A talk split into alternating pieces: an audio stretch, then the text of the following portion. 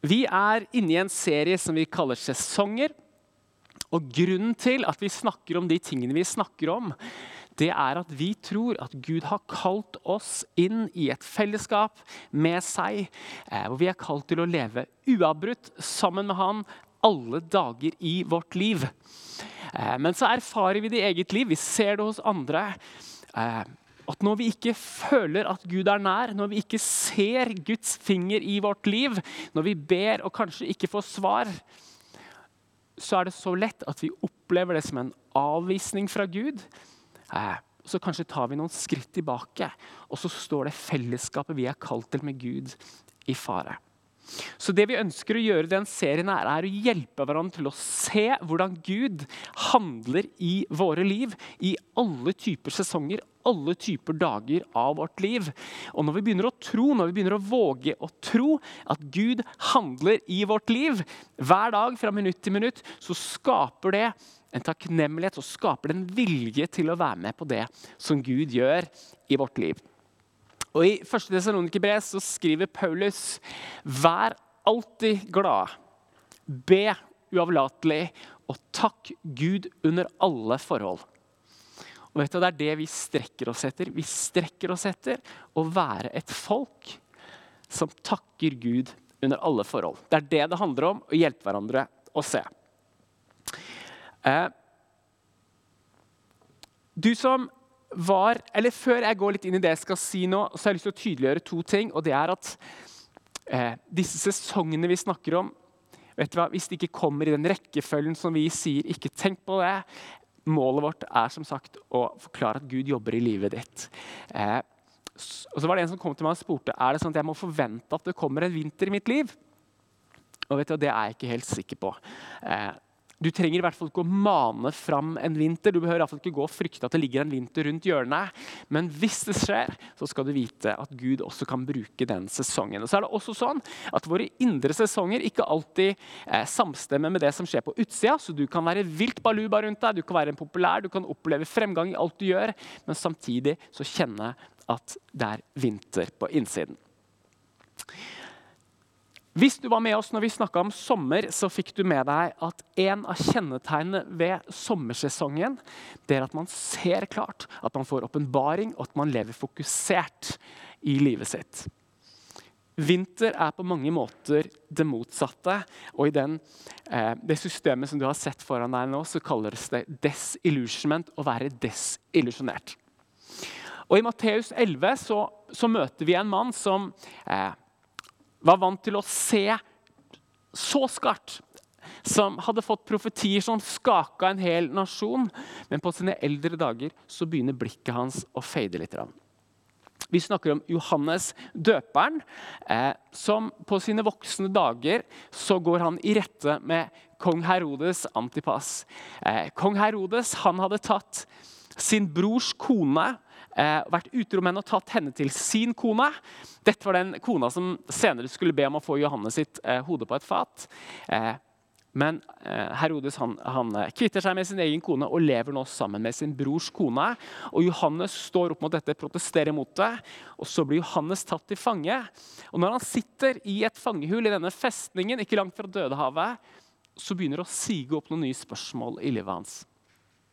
Han begynner å stille spørsmålstegn ved om det han hadde sett når han profeterte ut at se, dette er Guds lam som bærer verdens synd. Var det sant, eller var det noe bare han hadde følt? Når han hadde snakka om og tenkt om seg selv som en som bana vei for Messias, var det også bare noe han trodde, noe han håpte, noe han hadde en idé om, eller var det sant? Og var Jesus egentlig Messias? Eller skulle de vente en annen? Ut fra fengselscella så får Johannes sendt noen disipler. og De sendes til Jesus med dette spørsmålet.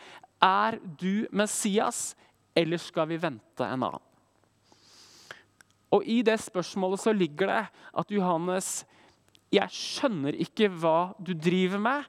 Du er annerledes enn jeg trodde. Du er annerledes enn den Messias jeg prekte om. Er det deg? Eller skal vi vente en annen? Johannes sine disipler de går til Jesus, og så ser de hva som skjer rundt ham. Blinde ser, lamme går. Eh, De som er spedalske, blir rensa. Og Jesus sier, 'Gå og fortell Johannes det dere ser'. Men så legger han også til én setning til, og han sier Han sier til sin venn Johannes, sier han, 'Og salig er den som ikke faller fra på grunn av meg'. Salig er den som ikke tar anstøt, som ikke blir bitter, som ikke tar avstand pga. at jeg handler sånn som jeg gjør, og er den jeg er. Og Kanskje er ikke det bare en hilsen til Johannes, når Johannes kjemper med sine spørsmål, men en hilsen til alle som er i vinter i sitt liv.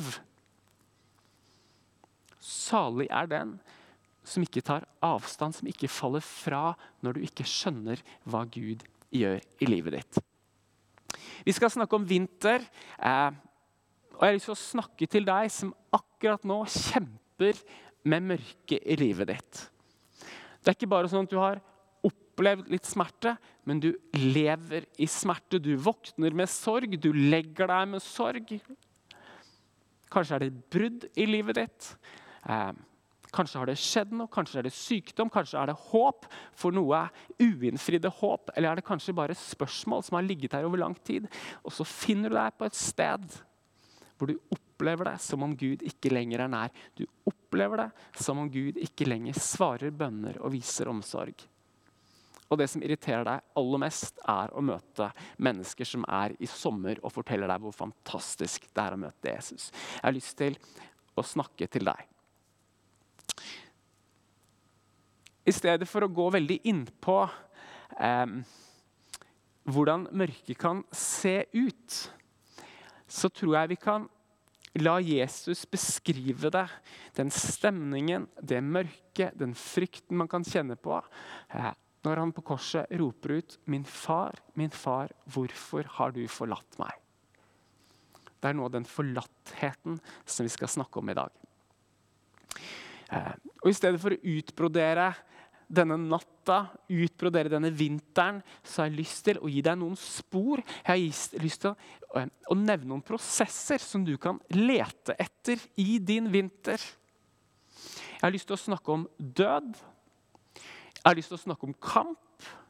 Dette er din søndag. Og jeg har lyst til å snakke om forberedelse. Eh, jeg har lyst til å begynne med å snakke om død, for vinter er en tid for død.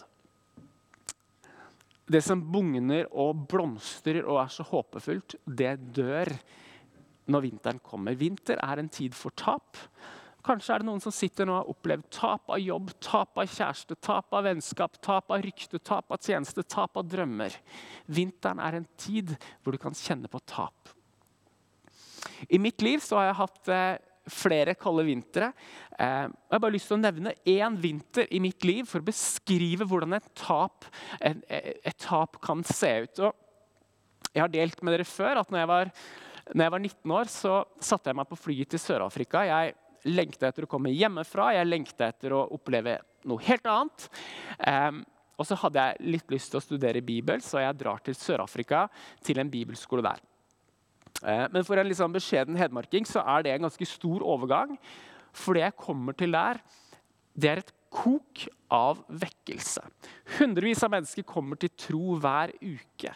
Vi ser undere kanskje hver uke. Vi ser vitnesbyrd som bare merker oss for livet.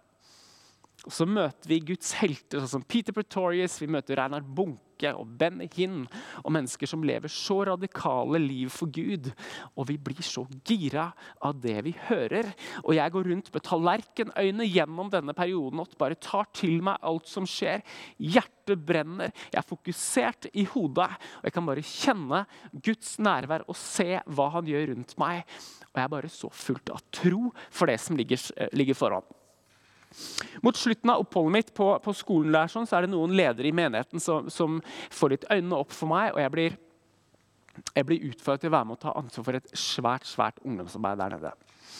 Eh, men jeg kjenner at min lengsel det er etter å se vekkelse i Norge. Det er å se at Guds rike vokser i kraft i Norge. Så jeg sier nei. Jeg har også en kjæreste i Norge, så det var jo også et lite pluss å komme hjem til. Eh, men jeg kommer hjem, jeg er full av tro og full av håp for det som ligger foran. Jeg var kanskje også litt full av av stolthet og arroganse og en del andre ting. For jeg hadde sett noe og tenkte at alle andre eh, må bare se det som jeg har sett. Jeg gikk vel også rundt og tenkte at kristne i Norge tenkte et aldri så lite spark bak. Eh, og hvis Gud kalte, kalte, meg til det, så var jeg mer enn klar til å være den som sparka folk bak. Eh, jeg ble tilbudt å bli tenåringsleder i Fjellfjord Oslo. Og jeg tenkte at dette var et eller annet sted så må jo eh, vekkelsen begynne, så jeg begynte der. Eh, ikke noe stor gjeng, kanskje 20-30 stykker. Men så går det ikke veldig lang tid før jeg begynner å kjenne på uro. Jeg kan kjenne på at Av og til så begynner hjertet å slå veldig hardt. Jeg kan kjenne på at jeg er veldig sånn rastløs. Og En dag jeg er ute og går i Oslo, i Slottsparken, så faller jeg rett og slett om i det som jeg senere får forklart at det er et sånn panikkanfall. Og fra den dagen så er det to, to og et halvt år hvor jeg preges av mørke, mørke tanker og opplever angstanfall veldig jevnlig. Og Hvis du har sluppet å møte angst, så skal du takke Gud for det. For det er noe som nesten er sånn helt ubeskrivelig å forklare. Eh, men det var mørkt. Jeg må si opp jobben i Fradelfia. Jeg takler ikke den. Eh, først så kjemper jeg mot det som, det som jeg opplever, faster og ber. Men så skjønner jeg etter hvert at det er ting i mitt liv som jeg trenger å bearbeide. Eh, og Etter hvert så finner jeg meg selv søkende på Google etter kristen psykolog. Eh, og jeg husker at Det eneste som kom opp, var en bok som ble skrevet på 50-tallet. Så hvis noen av dere er kalt til å gå inn i den bransjen, der, så, så er det et behov. Men der var jeg. Gud, hvis du har en plan med mitt liv, hvorfor ligger jeg da i fosterstilling her på andre året? Hva skjer med profetiene som ble talt? Hva skjedde med kallet jeg trodde jeg hadde? Hva skjer med den troen som jeg kom tilbake til Norge med? Og så blir alle de tingene her det blir nesten noe vondt istedenfor noe godt. Fordi det ser så fjernt ut. Og det gjør noe med deg når det varer over tid. Du har håp, men så faller håpet. Du tenker at dette var neste uke. Eller hvis Gud bare griper inn nå, så vil alt endre seg. Historien min er at Gud grep inn, og at jeg ble satt helt fri fra disse tingene. Veldig konkret. Men det skjer noe i den perioden her som er død, og som er tap. En av de tingene som døde hos meg, det var tanken om at jeg hadde kontroll over mitt eget liv. At jeg hadde kontroll over fremgangen eller fremdriften i mitt eget liv. En annen ting som dør i den perioden, her, er troen på at jeg er så smart, eller jeg har det som skal til, det som trengs. Og vet du, Når Gud tillater død i våre liv, så er det fordi at han vil la det spire fram et helt nytt liv, hvor det er han som er herre, hvor det er han som gjør det. Senere så ble jeg spurt om å bli ungdomspastor faktisk i Fjellfra. Um, og Da sier jeg ikke ja til det med full av visjon og full av tro på det jeg kan komme med, men jeg kan få gå inn det og si at Gud, jeg er helt avhengig av deg. At du leder meg uke til uke. Og Så ble det en tid i mitt liv hvor jeg kunne få kjenne på Guds gode nærvær og Guds ledelse. Disiplene opplevde en sånn intens vinter fra Jesu død til Jesu oppstandelse, der håp og glede ble til sorg og fortvilelse. Så står Jesus opp, det kommer et nytt liv. Eh, og Så forklarer Jesus denne logikken eh, som er i Guds rike hvor han sier hvis ikke hvetekornet faller i jorden og dør, så blir det bare det ene, og det bærer ikke frukt. Det er en hemmelighet i Guds rike at noe må dø for at noe nytt skal spire fram. Det sies at det kristne livet begynner der din egen ekspertise slutter. og jeg tror Det er noe sånt i det. Det er noe av det Paulus også sier i Galaterbrevet 2,20, hvor han sier vet du hva, det livet jeg lever nå, det lever jeg ikke lenger sjøl. Det er Jesus Kristus som lever i meg. Noe av det som kan skje i din vinter, er at noe dør. Det du er stolt av, det du trodde du skulle bidra med, eh, dine styrker. Kanskje faller det av, og det er en smerte å se at det faller av. Men det er et kall inn i en større avhengighet av Jesus. Det er et kall inn i et liv der Jesus får enda større spillerom i ditt liv. Jeg har også lyst til å si noe om kamp. Eh, Vinter er også en tid hvor vi kjemper med Gud. Vi kjemper ofte med løfter han har gitt som vi ikke erfarer. Vi kan kjempe med bibelvers vi ikke skjønner. Vi kan kjempe med Gud eh, om bønner som han ikke svarer. Det er en tid for kamp, eh, og det er ikke farlig. I Mos, første Mosebok, kapittel 32, så får vi høre historien om Jakob som kjemper med Gud. En veldig spesiell historie. Litt recap, så er Jakob er sønn av Isak, som er sønn av Abraham. Eh, som kommer fra en sterk menighetsfamilie. Jakob. Eh, men Jakob er den som forråder, eller som, eh, som trykker broren sin, og som stikker av med farsvelsignelsen, med førstefødselsretten, med på en måte farsarven, gjennom å lure broren sin Esev. Etter at det har skjedd, så rømmer Jakob ut av landet og bort fra slekta. Han får en kone og tjener for Laban. Så kommer Guds ord til Jakob og sier du skal vende tilbake til landet ditt. Du skal vende tilbake til slekten din, og du skal få oppleve Guds godhet. Og du skal få oppleve Guds godhet. Jakob gjør det som Gud sier. Han vet også at det fins et kall over livet hans. At ut av han, ut fra han, så skal det komme en slekt som er så tallrik som sanden i havet. Via Abraham, Isak og han skal det komme en enorm slekt. Så han har et løfte om velsignelse og han har et ord om at han skal få oppleve Guds godhet. Men det som skjer er at han tar med seg hele familien sin, alt budskap, alt fe, alle okser, alt sammen, alle slavene. Han var en rik mann. Og så begynner han å bevege seg mot landet. Men han er redd for Esau, og han sender noen slaver i forveien bare for å, eh, for å forberede Esau på at 'nå kommer jeg'.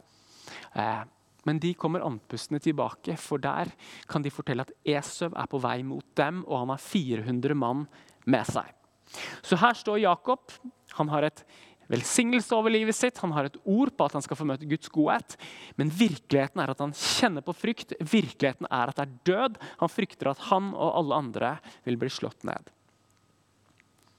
Og så kan vi lese at han sender puljer for puljer av sitt folk, av sin familie foran seg. Barn, kone, slaver, alt sammen. Og så står han igjen og ser at alt han eier, forsvinner som sånne prikker i horisonten. Og den kvelden så står det at han kjemper med Gud. Det er ikke bare at han dulter borti en mann, men de kjemper fra kvelden gjennom hele natta og til dagen gryr dagen etter. Vi vet ikke veldig mye om den kampen, men vi vet at Jakob i den kampen roper til denne mannen og sier, 'Hvem er du?' Hvem er du, Gud? Er du en Gud jeg kan stole på?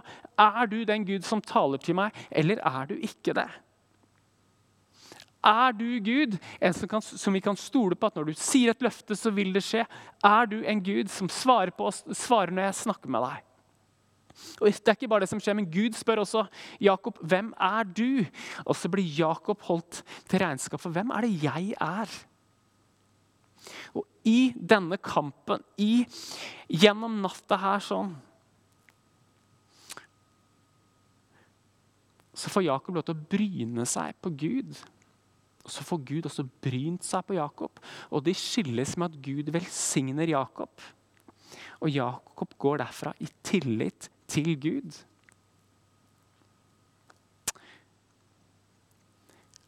Av og til så kan man være veldig glad i mennesker som er i sommer. Folk som er ivrige, som er glad, som er positive. Eh, og så kan man overse de menneskene som sitter kanskje på bakerste rad, som ikke kanskje ikke reiser seg under lovsangen engang. Men flere ganger har jeg blitt obs på at vet du hva? de som sitter der, de som kanskje ikke smiler så veldig, eller som ikke er så ivrig, det kan være mennesker som bare holder seg fast, og som er i kamp med Gud. Som trenger å vite om de løftene de har fått, er sanne. Om det Bibelen forteller, er sant. Og så er det i en vinter hvor de kjemper med Gud.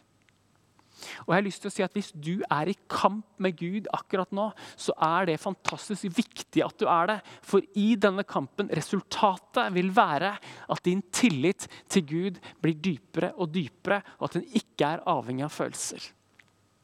Og hvis du kjemper med Gud, så vil dette også være en tid hvor din tro blir personlig.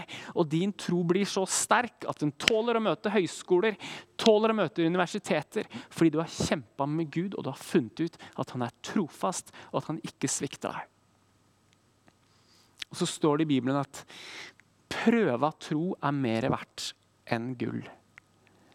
Som ikke annet, hvis du blir prøvd, hvis du blir frista Hvis du kjemper kjempe med Gud, kjempe med å tro at det han sier, er sant, så er det en periode hvor din tro blir prøva.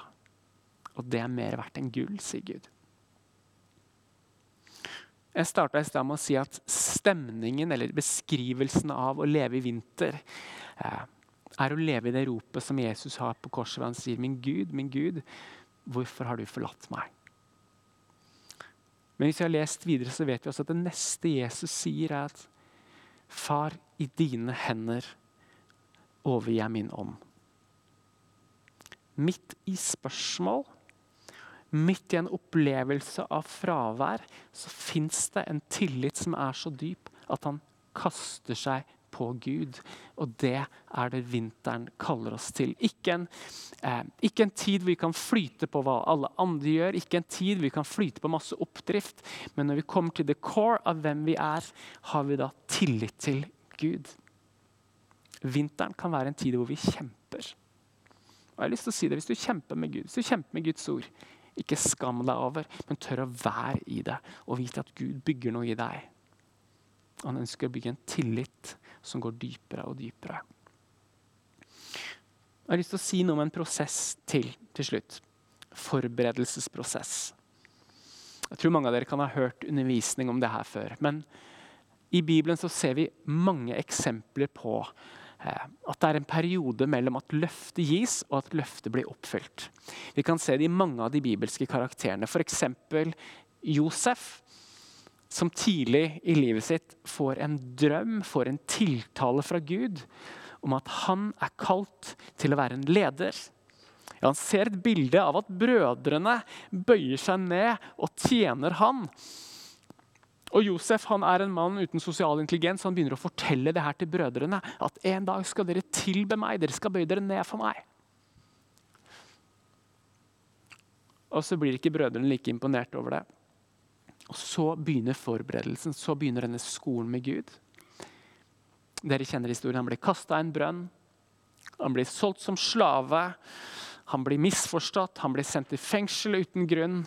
Eh, det skjer så mange ydmykende ting i hans liv før han en dag begynner å tjene hos farao. Og så stiger han i gradene, og så blir han etter hvert en som tjener sammen med farao. Og så kommer det hungersnød, og så blir Josef den som redder folket, og ikke bare egypterne, men også sin familie, sin slekt. Israelsfolket med brød. Og Historien om Josef det er ikke bare en, et sånt bilde av Jesus som skal komme og gi oss livets brød, men det er også en skole. Det viser oss hvordan en trening, en forberedelsesprosess, kan se ut. Av og til så tenker vi at en sånn skole med Gud, eller en sånn forberedelsesprosess. At det er litt sånn Det er å gå en sånn eksklusiv eliteskole privat sammen med Gud. Eh, men Gud bruker livet vårt, Gud bruker mennesker til å trene oss. Gud bruker de frustrerende menneskene vi møter i livet vårt, de vanskelige situasjonene vi møter, de knallharde dagene. Eh, den kranglete familien. Det er den skolen som Gud kaller oss til å gå. Og når jeg ser Josef, så beholdt han håpet, så beholdt han troen, så beholdt han et hjerte for Gud gjennom det. Og så kommer dagen hvor han skal få lov til å bli den lederen og bli det som Gud hadde kalt ham til å være. Jeg tror at i kollektivet så fins det mange mennesker med kall. Jeg tror at i fellesskapet vårt så fins det mange mennesker som er kalt til å bringe Jesus inn i, på arbeidsplassen sin. Om du er lege eller sosionom, om du er lærer eller økonom, eller om du jobber med barn, med voksne på sykehus eller med administrasjon. Jeg tror at det er en tid hvor det skal være tydelige, aktive kristne som Gud plasserer på forskjellige steder. Men jeg tror også at det finnes mennesker, og jeg tror det finnes mange mennesker i kollektivet, som Gud har kalt til fulltidstjeneste. Som Gud har kalt til å bruke de tiårene man har her på jorda, til å forkynne Guds rike og til å tjene i menighet, tjene i misjon. Det er iallfall en bønn jeg ber om at det skal være mange som kjenner på det kallet. For det trengs som aldri før i landet vårt og i verden for øvrig. Men når man bærer på et kall, så vil det også være en forberedelsesfase. Og Kristin Kane, eh, en kjent forkynner, bruker det bildet her som jeg syns er veldig godt på hvordan en forberedelse kan se ut. Når jeg var ung, eh, for en god stund siden, tro det eller ei, så så verden annerledes ut. Da var det ikke sånn at vi tok bilder og hadde bilder på skjermen en gang og kunne slette eller redigere. Nei, da hadde vi sånne kameraer med noen filmruller inni, som det gjerne var plass til fire bilder. Så vi tok et bilde, det knipsa, blitsen lyste, og så ante vi ikke hvordan bildet så ut. Det kom ikke opp noe sted. Men når vi hadde tatt 24 bilder så tok vi ut denne rullen, så gikk vi til noe så rart som en fotobutikk og leverte filmen der. Og så kunne vi komme tilbake to-tre uker etterpå, og da kunne vi få lov til å se bildene. Jeg vet at det her høres lenge siden ut. Fra blitsen går, fra bildet tas, så er det en prosess. Og vet du hva det som skjer på denne fotobutikken, er at det gjerne går ned i kjelleren, eller går i fall inn i et mørkerom hvor det skal være stummende mørkt.